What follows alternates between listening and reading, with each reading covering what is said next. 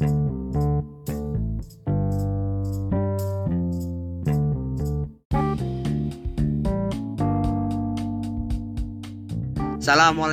warahmatullahi wabarakatuh. Halo Transbro dan Transis. Kembali lagi bersama gue David Henok Azam Ahmad Rafi dan Hasbi. Kali ini kita bakal membahas Disabilitas nih di episode ke-28 Nah kayak apa aja sih eh, Fasilitas-fasilitas disabilitas Yang ada di transportasi umum Kayak misalnya di pesawat, kapal, bis, eh, kereta, ataupun ya MRT, TJ dan segala macem. Oke, simak terus nih. Oke, eh, bahasan pertama kita mulai dari Azam dulu nih. Di bidang perbusan nih kayak gimana nih Zam? Yang fasilitas eh, ramah disabilitas tuh kayak gimana Zam? Oke, di bidang perbusan. Jangan perbusan, jangan perbusan sih. Ya, Perbisan lebih Iya. enak kita bahasnya. persami aja. Di sini gua bahas dua dua macam yaitu Transjakarta dan kita Oke. bahas yang Transjakarta dulu. Eh, Transjakarta atau TJ itu menyediakan halte yang ramah disabilitas. Nah, itu juga dengan tersedia JPO dengan lantai biasa. Biasa Nah. gimana? Ini tuh halte-halte model ini yang ramah disabilitas terdapat pada halte Patra Kuningan, Monas, Gambir 1, Gambir 2, Kalideres, Dispemda, Permata Hijau, Pinang Ranti, Rawamangun, Ancol, Lebak Bulus, Pondok Minang, Bonjeruk, Tosari, Bundaran HI, Priuk, Pluit, Kementan, GBK, Polda, Bundaran Senayan, Masjid Agung, Pasar Kebayoran Lama, Sunter Kelapa Gading, Istiqlal, Pulau Gadung, Grogol, dan lain-lain. Pokoknya ada sing kursi roda sama warnanya itu kalau nggak salah Tosca. Ya itu tuh apa tuh tiang-tiangnya itu tuh warna toska gitu tuh inget. Iya, Eh sorry nih jam. Eh kalau nggak salah sih kalau setahu gue ya daerah GBK sama Bundaran Senayan gitu-gitu tuh eh kalau untuk naik turunnya gitu apa akses keluar masuknya sih emang pakai rem itu ya bidang miring itu yang JPO-nya bagus-bagus itu kan. Yang ada liftnya juga. Cuman masalahnya ya eh dari peron ke bisnya itu masih kayak ada satu dua undakan gitu. Ya itu juga kurang disabilitas gua rasa sih. Kalau ada bidang miringnya mah Iya. beh nggak apa-apa dah. Sama blok M tuh wah asli dah. Susah. Haltenya kan di, di bawah ya untuk tap in tap outnya Iya. ya. Eh cuman ada tangga doang. Waktu itu gue pernah lihat tuh di mana ya? Di dokumentari Watchdog dia ngedokumentasi orang dengan kursi roda turun di halte apa halte blok M eh, terminal blok M. Wah dia marah-marah cuy. Gara-gara ini gimana sih? Oh kagak ada ininya bidang miringnya rem. Ah, pakai tangga. Harus digotong gitu kursi roda sama dua dua petugas. Kasihan banget kan tuh ya? Iya. nah terus jam apa gitu jam? Nah, untuk bus nih ya, ya menurut gua Metro Trans tuh ramah disabilitas banget. hmm oh iya bener yang low deck itu ya Yang low deh pokoknya. Yang bisa diturunin tuh suspensinya, oh iya iya bener bener yang bunyi cus cus cus. itu Airsus ya itu Airsus ya iya, Asus. oh gitu Nah, jadi tuh ada apa ya? apa yuk Kalau disebutin bidang miring terlalu terlalu terlalu fok, terlalu baku lah. Jadi ada miringan-miringannya di dekat pintu tengah. Oh itu yang bisa dibuka itu ya jadi kayak rem gitu buat Nah, naikin iya. eh, naikin kursi Terus roda ya tersedia juga dua space buat kursi roda. Hmm, Yang di tengah-tengah juga tuh. oh iya emang gitu sih terus Nah, ada juga tombol untuk informasi penumpang yang mau turun dan di tombolnya itu ada huruf braille-nya. Jadi hmm, eh, bisa ya mempermudah disabilitas lah. iya untuk eh, khususnya tunanetra ya Iya. iya benar-benar terus apa lagi jam di bidang perbusan nih Eh, TJ juga menyediakan mobil yang bernama TJ Cares. TJ Cares. Nah, ada 26 unit. Hmm, gitu. Nah, bentuknya tuh kayak ambulan. Pakai mobil Grand Max. Oh, Grand Max. Ya. Hmm, Kayak pernah lihat sih. Gede ya kan? Ya, kalau gede mah high S, Pak. Oh iya.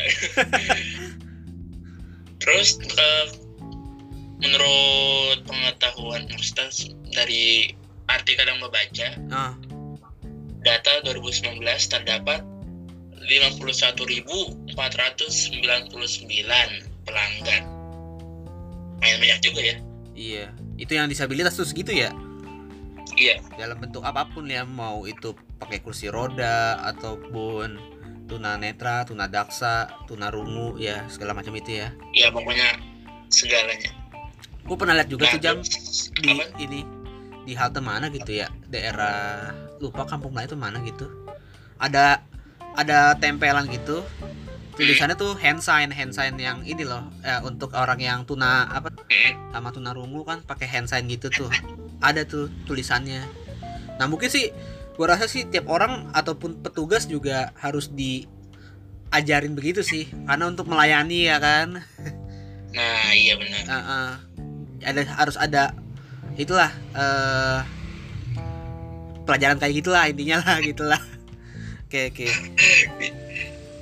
Nah, Digicars ini tersebar di halte Balai Kota, Priuk, Ragunan, Pulau Gebang, dan Kebon Jeruk. Gunjeruk oke Lo mau tau nggak cara mesennya gimana? nah gimana tuh Nih, Transpro dan Transis siapin pulpen sama kertas. Di mau ulangan pak siap-siap. Jadi cara mesenannya tuh telepon ke call center. Ini catat ya, 1500 102 oke 1500 102. Nah, ingetin. oke telepon tuh ya Iya. Tahu butuh. eh, ya siap.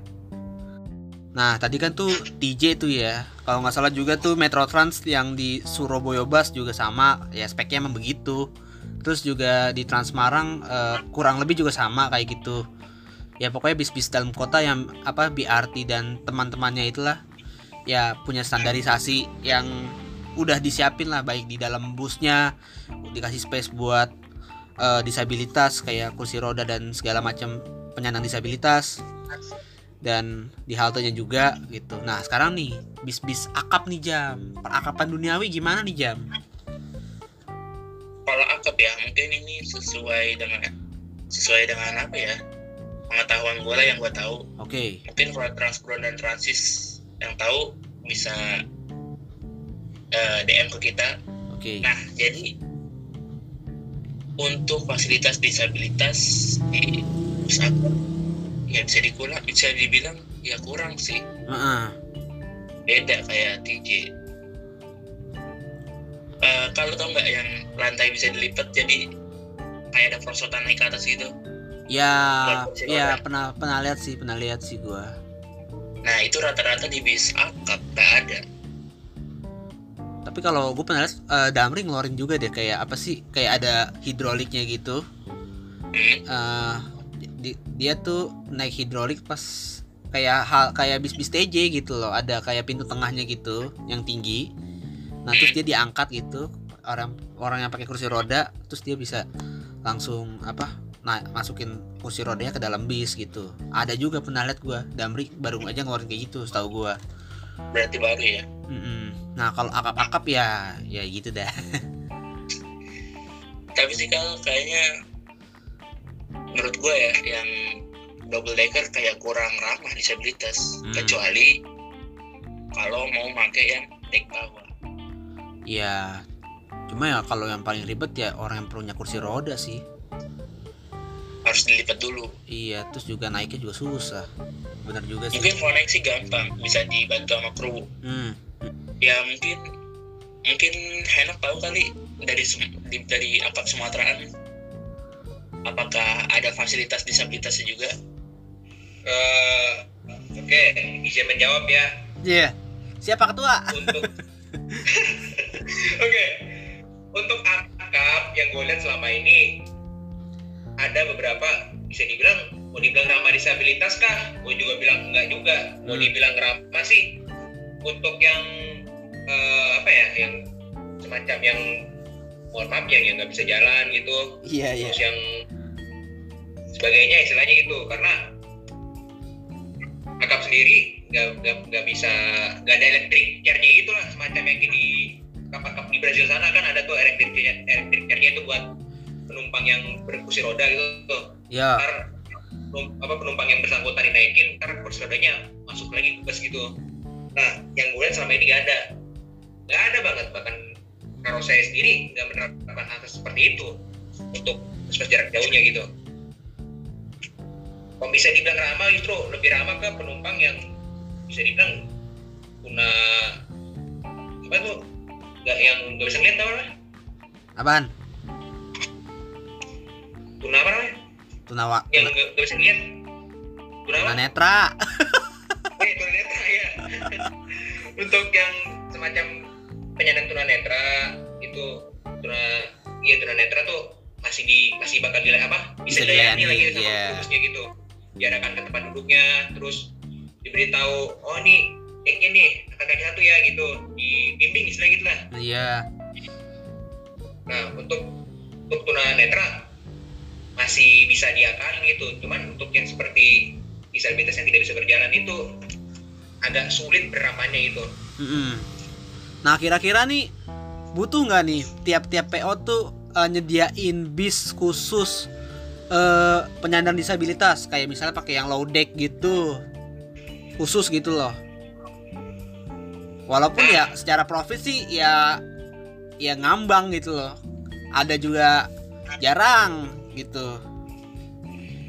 Nah sebenarnya sih untuk yang penyandang disabilitas yang terutama pengguna kursi roda sih bisa diakalin, cuman agak sedikit repot gitu. Iya. Kalau misalnya usia model-modelan SHD, HDD gitu, Oh, oke. agak susah sih itu. Kan masih digotong dulu dia naik apa dari kursi roda, terus dibopong sampai ke kursi gitu. Iya, iya.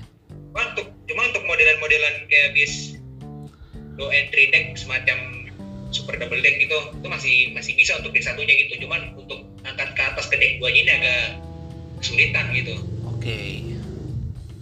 Oke, dari dari dunia perbisan udah banyak banget nih. Apa ini dunia perkereta apian nih? Ya. lanjut lanjut kak Oke, kita ke Ahmad Rafi nih. Kalau di kereta api jarak jauh tuh di stasiun tuh gimana nggak sih? Di stasiun ataupun di dalam keretanya nih. Monggo Mas Ahmad Rafi. ya izin menyambung kalau untuk kereta api jarak jauh sendiri ya dimulai dari stasiun dulu ya yang Iya. paling gampang ya itu sekarang mulai ya kan sekarang juga sudah agak lama tahun lalu mungkin ya mulai dipasang apa guide block itu untuk orang tunanetra Iya. untuk di jalan akses entah dari parkiran mau ke stasiun dari gate apa gate eh, pengecekan tiket atau mau ke peron terus peron ke tiap rangkaian kereta yang ada di jalurnya di Mhm. peronnya Mm. terus habis itu ada juga jalur khusus misal untuk yang stasiunnya tingkat itu Oh ya. entah mungkin pakai lift atau enggak pakai eskalator yang model datar itu Iya yang. dan biasanya dibuat lebih landai biar lebih mempermudah untuk naiknya gitu atau enggak pakai jalan bet- beton terus dipasang untuk Hmm. yang pakai kursi roda atau pakai apa gitu yang nggak bisa nggak kuat orang yang nggak kuat naik tangga gitu Eskalator ini ya. Terus- Eskalator apa? Yang eskalator yang di swalayan-swalayan gitu kan. Hmm. yang di bandara swalayan Iya, iya benar-benar. Nah terus nih, ya, sambung lagi Sri. Gimana tuh kalau di apa di dalam keretanya tuh? Kalau nggak salah kan ada space gitu juga ya dikasih buat kursi roda gitu. Nah ini sih Vi eh, yang pengen dipermasalahin tuh adalah peron-peronan nih Vi. Kan kadang suka ada beberapa stasiun yang peronnya tuh pendek dan ya rangkaian mah tinggi gitu ya rangkaian kereta mah tinggi gitu dan itu eh, beberapa juga ada yang nggak pakai rem gitu loh jadi agak ada agak susah untuk orang disabilitas kayak pakai kursi roda dan segala macemnya gitu loh Vi. Nah Mm-mm. itu kalau misalnya di stasiun-stasiun besar tuh gimana kayak misalnya Pasar Senen, Gambir, Jog apa Jogja Tugu, Lempuyangan, Bandung, terus mana ya Semarang lah, Surabaya tuh gimana tuh Vi? Yang yang lu tahu-tahu aja lah. ya benar sih untuk stasiun sendiri itu masih ada beberapa yang belum ramah untuk eh, kaum disabilitas misalnya entah beda peron entah mungkin areanya sempit jadi susah Mm-mm. tapi sih untuk beberapa stasiun besar eh, misal untuk Tugu Jogja terus Lempuyangan Gambir yang besar-besar yang sering orang naik kereta atau turun kereta entah dari antar kota ke kota itu udah bagus itu lumayan apa untuk tinggi peronnya udah setara jadi bisa gitu antar peron sama kereta bisa Mm-mm. jadi untuk kursi roda untuk orang yang mungkin sepuh apa pakai tongkat atau mungkin orang tunanetra itu bisa. Untuk beberapa stasiun yang misalnya peron ting- rendah misalnya Bandung terus Solo Balapan terus ya du- dua itu dulu karena sekarang tuh lagi di update update nya itu dua stasiun itu dibikin peron yang lebih tinggi sama untuk yang Bandung sudah selesai. Dan dia juga khusus kan bikin skybridge juga untuk mempermudah penyeberangan dan menghindari langsung penyeberangan lewat rel gitu. Iya, untuk iya. amanah juga. Dan untuk Solo Balapan sendiri terakhir itu update-nya peron selatan juga akan dibuatkan peron tinggi di antara yang Eh, tadinya kan lima jalur mm, jadi- dikorbanin satu jalur untuk peron tinggi agar memudahkan naik turun penumpang. Anak selama ini untuk naik turun penumpang di Solo Balapan terutama peron selatan itu biasanya Pramex mm, sama Solo Express itu benar-benar harus pakai yang namanya banci itu Iya, iya. kurang Kurang ramah lah. orang Ah, ah. yang disabilitas itu yang apalagi pakai kursi roda atau mungkin tunanetra gitu Bahkan yang kalau gua kan pernah ke Gambir ya. Gambir itu kalau nggak salah peronnya tuh sesuai dengan peron KRL ya, lebih tinggi dikit kan, berapa berapa senti gitu. Ya, jadi agak turun gitu kalau dari peron mau ke kereta apa tuh rangkaian kereta api jarak jauh langsung agak turun gitu kan. ya beberapa Heeh. hanya berapa senti doang sih ya itu masih nggak apa-apa lah masih wajar lah masih normal gitu. Nah beberapa juga kan ada yang ini ya Vi ya apa mempertahankan ubin yang ya mungkin masuk cagar budaya juga kali ya. Jadi eh, bingung gitu mau bikin peron tapi di mana gitu. Dan segala macam pasti ada eh, inilah pertimbangan yang macam-macam lah gitu Di- mungkin dari ekopansi dan segala macam nah kalau fas- fasilitas toilet juga udah banyak ya yang banyak. khusus disabilitas gitu. Banyak udah, ya? udah dikategorikan oh ya udah. masing-masing. Heeh, gitu. Nah, Nah. tadi kan sebelumnya kan stasiun. Kalau kereta ada lagi khusus beberapa kereta itu ada yang emang dikhususkan untuk penyandang disabilitas apa ramah gitu. iya Beberapa kereta kelas ekonomi mungkin ada yang pintunya ada yang lebar, ada yang sempit yang kayak model kupu-kupu itu. oh iya toiletnya juga ada yang khusus ya. Dan beberapa kursinya juga kalau yang khusus disabilitas itu lebih sedikit. Kalau yang normalnya ekonomi itu 80, kalau yang ekonomi khusus disabilitas itu cuma 64. itu jarang juga spesial lebih lega gitu untuk Mm-mm. Apa yang membawa kursi roda atau alat lain bantu lain yang apa orang penyandang disabilitas. Mm-mm, mm-mm. itu jarang banget deh nemuin deh apa yang kereta ekonomi eh, kursinya lebar itu eh apa pintunya lebar bisa itu itu di mulai ada itu sekitar tahun angkatan 2012 11 10 oh 2010. sepuluhan mulai dari kereta Bogowonto terus Gajah Wong gitu-gitu Mm-mm. sampai sekarang yang premium itu yang stainless itu mas ramah itu stainless juga ya meskipun kan Mm-mm. eh, bentuk pintunya kan ya sama gitu loh iya tapi tetap ya ada kayak ada tulisan apa tuh sign kuning gitu kan warna apa Mm. buat kursi roda gitu iya Mm. sih pernah pernah lihat pernah lihat ada kasih gap kosong gitu kursinya. Oh baru baru tahu sih gua. dan untuk penempatan kursinya untuk penumpang disabilitas itu biasanya di pojok-pojok. Iya pojok ah ah. oh gitu ya. Berarti ya itu ekonomi doang ya yang zaman 2010 ya? Ya mungkin ekonomi apa eh apa ya istilahnya? AC split apa ya ekonomi kem, punya Kemenhub gitu. Hmm, terus gitu ya. lama-lama ke ekonomi yang premium. Habis itu dua, tahun 2017 ada lagi ekonomi premium. Jadi ya dibagi dua jenis itu. Mm-mm, mm-mm. gitu.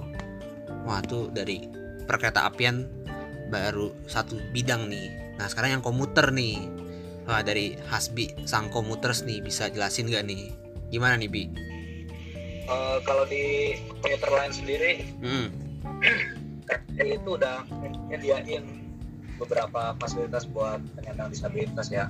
Ya mulai betul dari stasiun sampai di kereta. Nah kalau di stasiun sendiri itu mulai gue sebutin ya eh, guiding block.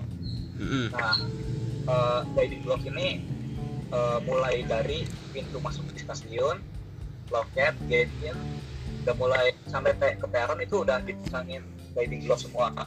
Tapi ada beberapa stasiun yang contohnya Kebayoran sama stasiun Palmerah Parung Panjang.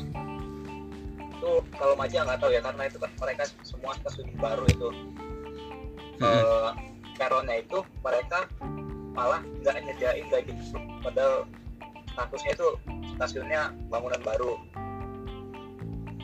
Eh, ada juga beberapa stasiun yang stasiun kecil itu guiding blocknya udah pecah-pecah. Dan nggak diganti itu eh, yang sayangkan itu Tenjo gimana Tenjo? Nah Tenjo sendiri malah lebih parah lagi. Mereka kan masih pakai bancik ya. Iya. Terus ditambah lagi peronnya mereka itu motong PJL jadi agak susah juga yang buat turun gitu. Dan juga ada di eh, kampung Bandan. Mm-mm, kampung ternyata itu eh, kalau kalau nggak salah itu empat kereta. Iya Eh, bener. empat kereta ke belakang itu nggak dapat peron. Yang arah Priok kan?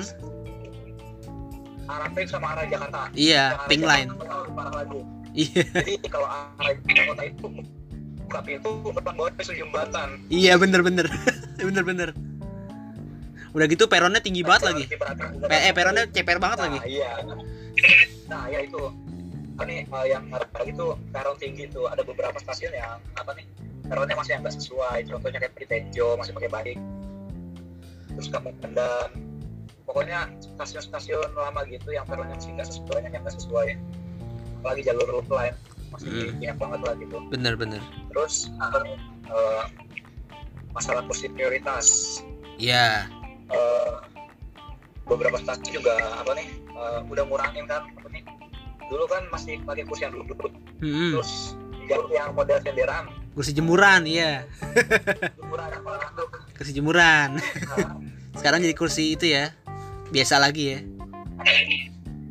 Pas diganti kursi iuran itu waktu itu belum disediain kursi prioritas. Hmm. makanya ada yang protes akhirnya disediain bangku tambahan yaitu buat kursi prioritas print sign gitu kursi prioritas. Nah, iya. tapi apalagi pas rush hour gitu kan eh, banyak orang-orang nih eh, yang masih bandel gitu kursi prioritas pada sehat didudukin gitu. Mm-mm. nah nah terus terus eh, ada ada lagi fasilitas dari KCI itu rem tidak miring iya Eh, ini biasanya tuh apa nih disediain PKD ya biasanya kalau apa nih ada penumpang yang khususnya kursi roda apa nih mau turun kereta Mm-mm. biasanya disediain tidak miring gitu. Tapi ada juga beberapa stasiun yang nggak punya bidang miring itu akhirnya dari kereta itu kursi rodanya itu diangkat Oh. sama PKD-nya nah itu yang apa nih harus apa nih harus nyediain bidang miring itu. Terus juga Nah, nyebrang rel ya? itu nyebrang rel juga ada ya? portable. Hmm. ada portable ada yang portable juga yang buat PKD tadi. Nah ada juga yang di peron. Iya. Jadi tangga tangga bidang miring. Nah ini beberapa di stasiun kecil yang kayak di Krama dan Setio banyak kebanyakan dari stasiun offline itu. Kan kondisinya tuh peronnya kecil Mm-mm. lahannya juga terbatas. Nah ini bidang miringnya jadi kalau tangga dibikin curam gitu is oke lah kan ke tangga. Nah ini bidangnya juga dibikin curam gitu. Iya. Kasihan kasihan buat apa nih apalagi pengguna kursi roda kan jadi nurun kursi rodanya itu malah lebih susah Mm-mm. ya Terus nyebrang rel nggak sih? Nyebrang rel kan harus nyebrang rel ya kalau yang disabilitas ya. nah ya uh, masih nyebrang rel juga Mm, betul. dan ada ruang menyusui Oh ya ruang menyusui Nah, ada ini- tuh. ruang menyusui ini cuma apa nih cuma ada di beberapa besar doang Mm, Oke. yang stasiun kecil itu kebanyakan sih apa nih belum menyediakan ruang menyusui mungkin karena keterbatasan lahan juga Oke. jadi uh, mandinya pun uh, toilet disabilitas menyusui biasanya samping-sampingan Iya. nah ini karena stasiun kecil uh, jadinya toiletnya pun nggak bisa dibikin toilet disabilitas Iya. karena keterbatasan lahan itu nah akhirnya nggak ada ruang menyusui juga pas ke situ mungkin apa nih KCI harus agak muter otak buat media ini gitu Iya. Bener-bener. Lift gimana lift? nah oh ya lift nah lift ini eh, waktu itu tahun 2015 2016 itu apa nih lagi gencar-gencarnya pembangunan stasiun tuh Iya. Parung Panjang, Manja, terus Kebayoran, Palmerah itu udah mulai dibangun ulang karena okupansinya tinggi, orangnya kecil, jadi akhirnya Kemenhub inisiatif bangun ulang. Mm-mm. mereka nyediain apa nih eh, fasilitas buat penyandang disabilitas. Nah, mereka nyediain lift contohnya. Nah, lift ini eh, awal-awal beroperasi itu 2016 pokoknya peresmiannya itu kebayoran jadi itu tuh bayoran perupanya sampai Maja awal awal 2016 gitu ya nah setelah apa nih eh, setelah beberapa itu bertahan tuh. nah itu liftnya kebanyakan udah pada mati dan nggak apa nih dibenerin gitu. Ini masalahnya. Jadi ibaratnya tuh lift cuma buat nggak doang gitu tapi benerin. Itu yang harus diperhatiin sama KCI nah KCI sendiri juga apa nih buat terobosan baru. Baru-baru ini ada pin khusus Ibnil Mm-mm. Terus ada pin khusus Low Vision Iya, Low Vision ya baru baru rilis kemarinan. baru rilis Mm-mm. ada eh, ada juga nih eh, kursi roda nah ini kursi roda ini persediaan khusus dari juga Gitu. Tapi yang paling bermasalah tuh peron ya. peron Peron mbak ya. kalau buat penyandang netra sih apa nih eh, masih bisa dibantu lah kayak lah Iya. tapi kalau buat guna kursi roda itu Mm-mm. yang agak bermasalah itu Ntar malah apalagi kelamaan ganggu headway. nah iya apalagi kalau itu ternyata nih pengguna kursi rodanya itu misalnya ada ke kamar mandi dan kamar mandinya nanti buat disabilitas itu Iya. agak repot juga itu nah terus kayak apa nih misalnya turun di ada penyandang disabilitas turun di stasiun kebayoran misalnya dan saat itu turunnya lagi rusak Mm-mm. nah lebih repot lagi betul soalnya waktu itu uh, gue cek uh, ke stasiun-stasiun yang ada liftnya Mm-mm. ya itu pertengahan tahun 2016 sampai 2010 pun belum dibenerin Mm. jadi cuma ada doang Maintenance-nya juga kurang ya. kenapa? Maintenance-nya kurang ya. nah iya maintenance kurang Mm-mm. Kalau gue sih di Blue Line karena ya biasa lalu lalang ke kampus gitu ya. Itu sih emang udah didesain sebaru mungkin gitu loh. Iya. Iya, dan udah alhamdulillah udah pada bagus-bagus semua sih karena ya sekalian sama proyek DDT kan. Heeh, gitu. nah kalau di kereta sendiri ada beberapa set KRL yang nyediain space buat naruh kursi roda di situ contohnya itu TM 6000 TM 6000 itu di beberapa beberapa set ada ada space khusus yang biasanya buat kursi prioritas Mm-mm. dikosongin sama dikir buat naruh kursi roda gitu kalau J kan udah paling banyak tuh JR 205 tuh tuh. Iya. nah, JR 205 itu kalau nggak salah itu nggak ada space khusus Marcin Wah. gimana Marcin? oh ya kalau kalau Martin karena gue naik jadi nggak jadi belum berani bikin Kayak sama deh. Kayak sama deh kayaknya. Kayak sama kayaknya sama. Yang paling paling banyak tuh pelanggaran ini nih. kursi prioritas yang di pojok-pojok deket kurs deket apa tuh deket eh, sambungan gerbong nih. Iya. Padahal mah bapak-bapak muda gitu ya pas digalakin awas awas. Marah dia wah itu. Itu belum naik atau belum sempet ya tahu deh tuh. Itu PR juga itu buat KCI itu. Heeh, benar-benar jadi ya gitu sih harus nyediain. KCI itu harus lebih ini. Eh, space buat di kereta juga. Jadi nggak jangan mikirin yang di stasiun doang. Pas di keretanya juga harus Hmm. dipikirin mereka bakal gimana duduk di mana gitu. Iya. Mungkin kalau Jardono 2 itu ada enam pintu itu kalau di Jepang bangkunya bisa dilipat oh iya ya yang itu. Belakang KKW ya. Nah tapi apa nih di Indonesia ini dikunci sama dia jadi nggak bisa dilipat jadi kalau ada bangunan kursi roda yang naik ke situ tetap aja begitu positif bisa buat nambah-nambah space iya tuh tuh sempit banget tuh duduknya tuh nggak enak apalagi ada masa empat orang Iya. Nah, oke. Itu dari komuter sudah banyak banget tuh. Apalagi kereta lokal mah makin makin parah lagi kalau kereta lokal mah. oke, sekarang kita merambah ke dunia penerbangan dan kelautan nih. Oke, David Henok nih hadir sudah nih. Ingin menjelaskan nih. Gimana nih, Nok? Kalau di di airport mah ya udah jelas banyak ya pesawat juga sama lah ya gimana tuh Nok? Di, Oke, gue bakal buka dari dunia penerbangan dulu ya. Oke, Ya. sebelumnya ini sebelumnya untuk penyandang disabilitas sendiri sudah diatur dalam Undang-Undang Nomor 1 Tahun 2009, tahun 2009 tentang penerbangan Widih. yang berbunyi Nah, ini isi, isi Undang Nomor 1 Tahun 2009 tentang penerbangan pasal 134 berbunyi seperti berikut. Ini pasal pertama ya, penyandang cacat lanjut usia anak-anak di bawah 12 tahun dan orang sakit berhak memperoleh pelayanan berupa perlakuan dan fasilitas khusus dari Badan Usaha Angkutan Udara Niaga. Hmm, oke. Nah, terus di pasal 3, pemberian prioritas tambahan tempat duduk, penyediaan fasilitas kemudahan untuk naik dan turun dari- pesawat udara, penyediaan fasilitas untuk penyandang cacat selama berada di pesawat udara, sarana bantu bagi orang sakit, penyediaan fasilitas umum bagi anak-anak selama di pesawat udara, tersedia personel yang dapat berkomunikasi dengan penyandang cacat, lanjut usia, anak-anak, dan orang sakit. Dan terakhir, tersedia buku petunjuk tentang keselamatan dan keamanan penerbangan bagi penumpang pesawat udara dan sarana lain yang dapat dimengerti oleh penyandang cacat, lanjut usia, dan orang sakit. Nah, itu yang diatur dalam Undang-Undang Nomor 1 Tahun 2009 tentang penerbangan, pasal 134. Nah, fasilitas gimana fasilitas nih?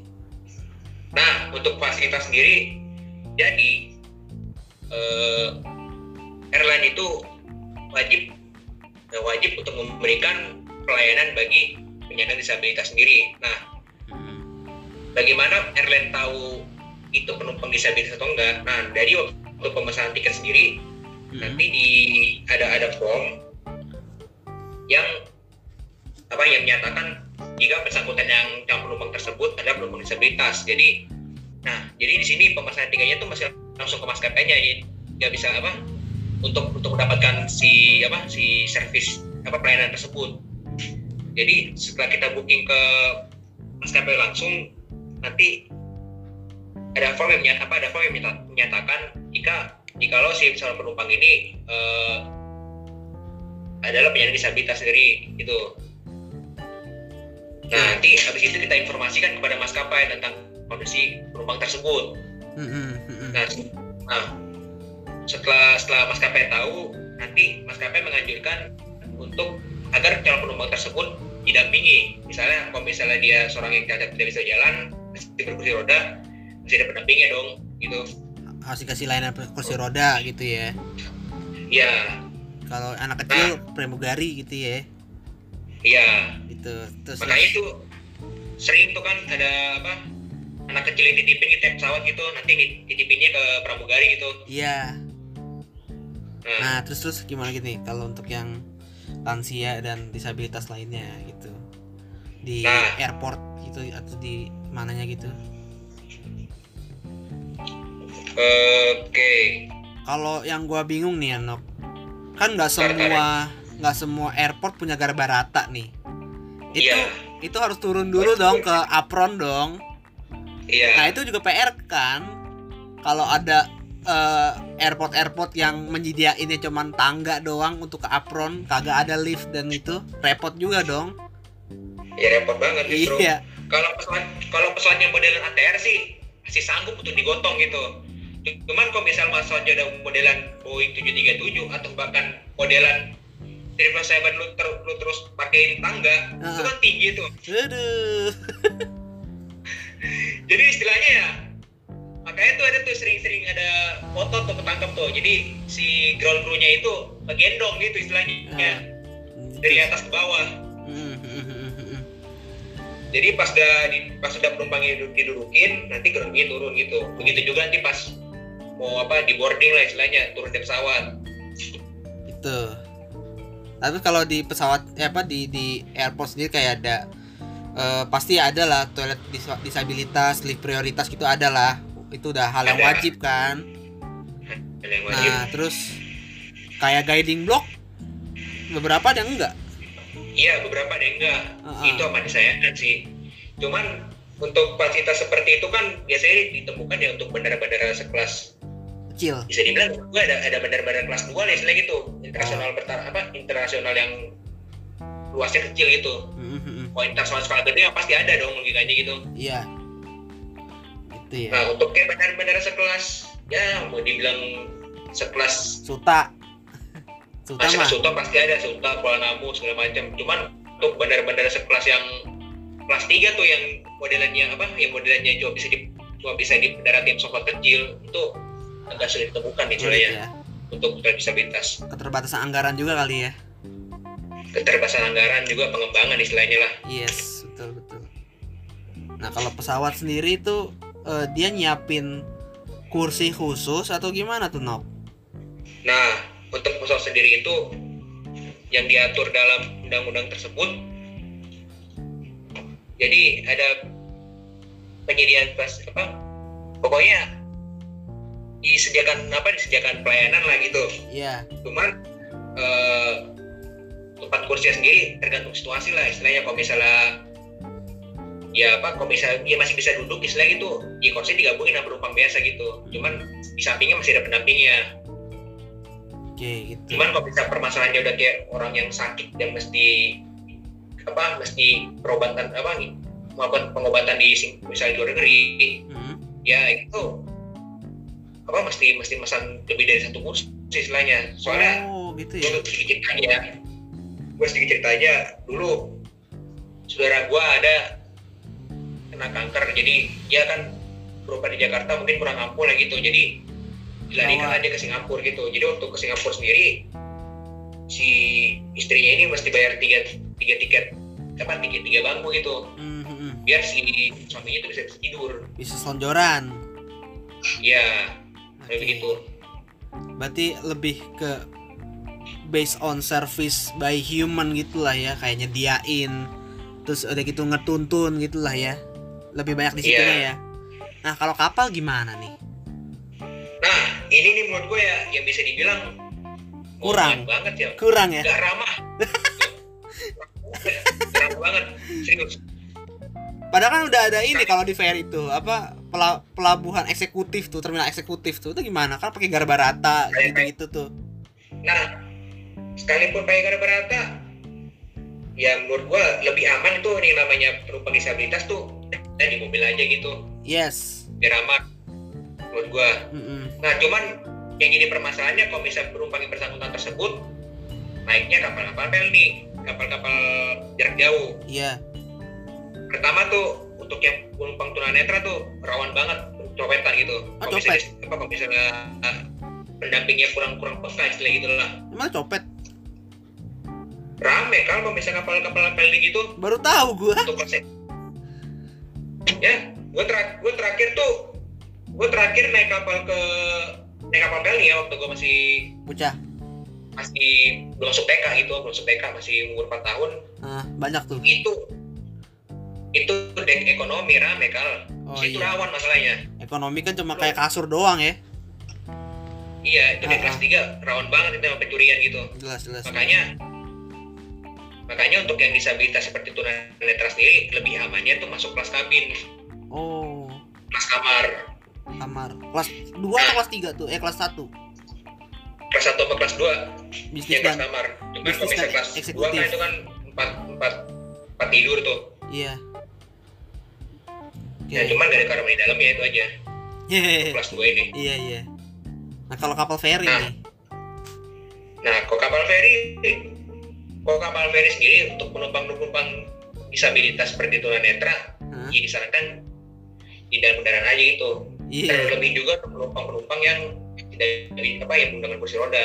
Mm, mm, mm. sekalipun ada garba rata cuman mobilisasinya nanti agak-agak sedikit terganggu lah gitu. Mm, mm, mm.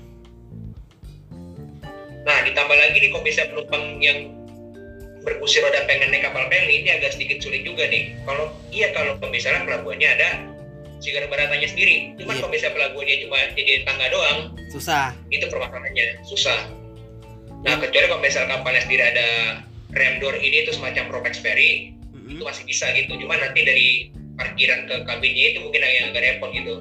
Yang gua tahu eh, yang udah ada gara barata itu kayak Bakauheni ya. Bakauheni Merak belum ada ya Merak ya? Tanjung, Bakahuni, Tanjung Perak, terus ah ya Tanjung Perak ya. Surabaya North Quay North Key. Soal iya Surabaya North Quay, terus sama satu lagi tuh. Di mana di Belawan. apa tuh mana dulu kebunnya? Belawan Belawan Ya Belawan ya. oh ada ya oke mantep Di tuh Belawan udah ada tuh, Garbarata. ya moga-moga sih ke depannya juga udah di standarisasi begitu sih ya ada garbarata Iya. dan lebih ramah disabilitas gitu ya atau rem dan Iya, segala iya. macem gitulah ya dan ya juga yang pakai kursi roda juga nggak tergopoh-gopoh dan capek gitu loh bener-bener juga- dengan baik Layak. Dan juga tuh ada namanya apa? Kamarnya mesti tingkatkan itu. yes. Keamanan juga ya. Kalau pelni ya. Kapal Pelni, kapal Pelni menurut gua tuh yang bisa dibilang masih rawan. Nah masih rawan dan juga kalau misalnya dibilang dari segi pelayanan menurut gua kapal Pelni tuh jauh apa? Kurang kurang parah. Bukan. Eh, lebih tepatnya jauh. Kalau misalnya mau disandingin sama sekelas Dharma Dharma Ferry apa? Dharma Lautan Utama gue lebih setuju Dharma Lautan Utama ketimbang Pelni naiknya hmm swasta ya swasta swasta punya Ah, cuma dia gitu. pemain lama sih oh kalau siap misalnya tahu kapal Ferry Joko Tole tuh dari Madura Surabaya nah pelopornya mereka Oke. Nah, tuh gila tuh. Kapal udah tuh ya. Nah, sekarang kita kembali lagi ke perkotaan nih. Kita bahas MRT, LRT nih ya. Nah, sebenarnya mah simple ya. MRT, LRT ya pasti ada yang harus ada tuh ya toilet disabilitas, terus lift prioritas dan juga kursi prioritas di dalam keretanya. Nah, kalau MRT ini eh jangan juga ini nih guiding block itu udah pasti ada tuh harus gitu nah kalau MRT ini gue yang tahu tuh juga ada parkir khusus disabilitas di depan gereja Nehemia Lebak Bulus itu doang yang gue baru tahu itu dan dia untuk gate masuknya itu kalau yang kursi roda dia agak lebar gitu. Bisa muat kira-kira dua orang nempel-nempel gitu bisa lah. Dan dilengkapi guiding block yang bener-bener langsung dikasih arah yang cepat gitu. Jadi guiding blocknya eh, dari gate langsung ke arahin ke lift prioritas. Dari lift prioritas langsung masuk ke eh, rangkaian kereta yang udah disiapin buat kursi roda gitu. Jadi nggak ada eh, di pinggir-pinggir rangka apa tuh eh, sambungan rangkaian dia nggak ada kursinya gitu kayak apa tadi KRL itu ya TM 6000 ya ya kan TM TM juga ini MRT juga di jam di Jepangnya ya kan ya Iya. Heeh, tuh nah terus juga eh tadi tuh udah bener-bener eh, untuk penyandang disabilitas dan juga kursi roda tuh udah dikasih jalan-jalan yang sangat cepet banget gitu loh dari mulai kita naik pakai lift langsung ke tap tap gate tap ini langsung ke lift prioritas lagi naik ke peron langsung udah dapat kurs dapat apa space buat kursi roda. Jadi tuh eh, MRT sangat mengutamakan efisiensi waktu gitu loh. Mengutamakan kecepatan waktu ya terus juga ada ini nih pin buat ibu hamil dan lansia gitu supaya diberi prioritas juga ada. Terus juga sign age eh, kayak misalnya peron ini ke arah sini misalnya peron 2 ke arah Lebak Bulus peron 1 uh, bundaran HI dan atau gimana gitu. Itu juga perspektifnya dibikin uh, lebih ramah gitu loh. Jadi dia naro itu udah sesuai itu dengan uh, sudut pandang kita tuh. Jadi kita nyaman nggak terlalu dangak nggak terlalu nggak terlalu apa ya nggak terlalu turun atau gimana. Ya itu sih bener-bener mateng lah kalau di MRT begitupun juga di LRT Jakarta juga sama signage nya gitu juga. Gitu loh. Nah untuk kursi kursi kereta sih dan celah an antar peron sih ya bener-bener rapat lah ya. Kita udah tahu banget di LRT dan MRT juga gitu. Nah kalau yang di apa ya di MRT juga ada dengan huruf braille-nya juga nih huruf braille-nya nih. Di mana ya kalau nggak salah tuh di di gerbong 3 dan gerbong 4 itu tuh yang ada space buat kursi roda. Itu emang disiapin juga tuh kayak ada tulisan braille-nya dan segala macem gitu. Di stasiun kalau nggak salah juga ada. Di vending machine ya di vending machine-nya tuh. Jadi orang kursi roda dan tunanetra pakai vending machine tuh uh, bisa raba-raba gitu dengan huruf braille. Udah kita bisa uh, apa misalnya top up atau beli kartu gitu secara nyaman dan posisi vending mesinnya juga ramah disabilitas gitu. Jadi memang matang banget lah si MRT ini. Begitu juga LRT Jakarta juga kayak gitu. Cuman vending mesinnya lagi lagi belum bisa dipakai setahu gue sih terakhir gue ke situ. Uh, ya mungkin sih banyak banget sih dari MRT itu. Dan memang udah sangat-sangat mateng lah intinya lah gitu. Terus juga kalau di peronnya juga kayak misalnya apa ya e, lebih ramah juga luas dan kursinya juga dikasih kursi prioritas gitu. Dan memangnya udah standar udah standar banget lah.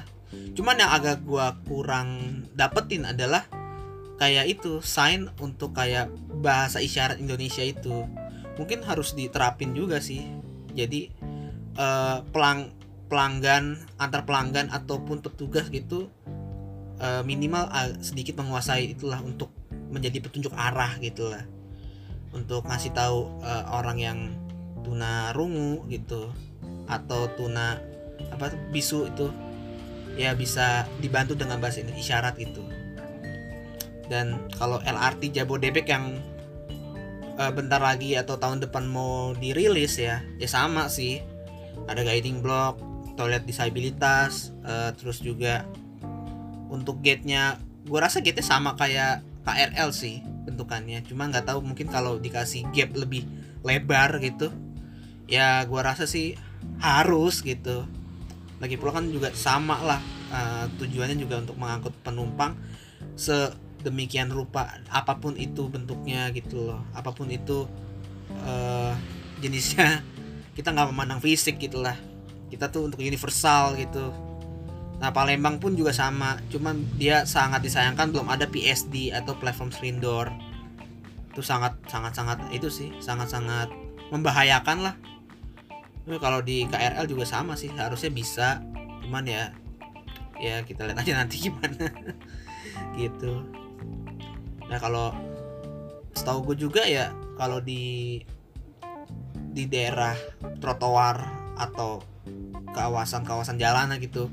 Pemerintah juga udah nyiapin beberapa parkir khusus disabilitas. Dan juga kayak misalnya di trotoar tuh ada guiding block udah pasti itu harus itu. Sama dikasih bolart yang uh, jaraknya agak lebar itu buat uh, kursi roda. Dan juga kayak misalnya uh, penyeberangan itu pakai pelikan crossing dan segala macam itu emang sudah ditata uh, universal dan ramah disabilitas gitu. Nah kalau taksi yang gue tahu mah cuman Bluebird gitu yang pakai Serena tuh, yang khusus disabilitas dan memang kita juga mesennya juga harus uh, pakai by phone gitu ya, karena ini ada disabilitas gitu kita minta disiapin pakai uh, taksi yang warna biru itu yang merek Serena itu khusus disabilitas. Oke, okay. uh, eh, mungkin sekian aja dari kami. Uh, kurang lebihnya mohon maaf dan ini bahasan sangat-sangat luas banget dan kita sangat-sangat senang lah bisa ngobrolin ini gitu.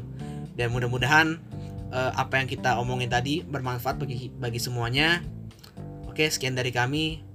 Wabillahi taufiq wal hidayah. Wassalamualaikum warahmatullahi wabarakatuh.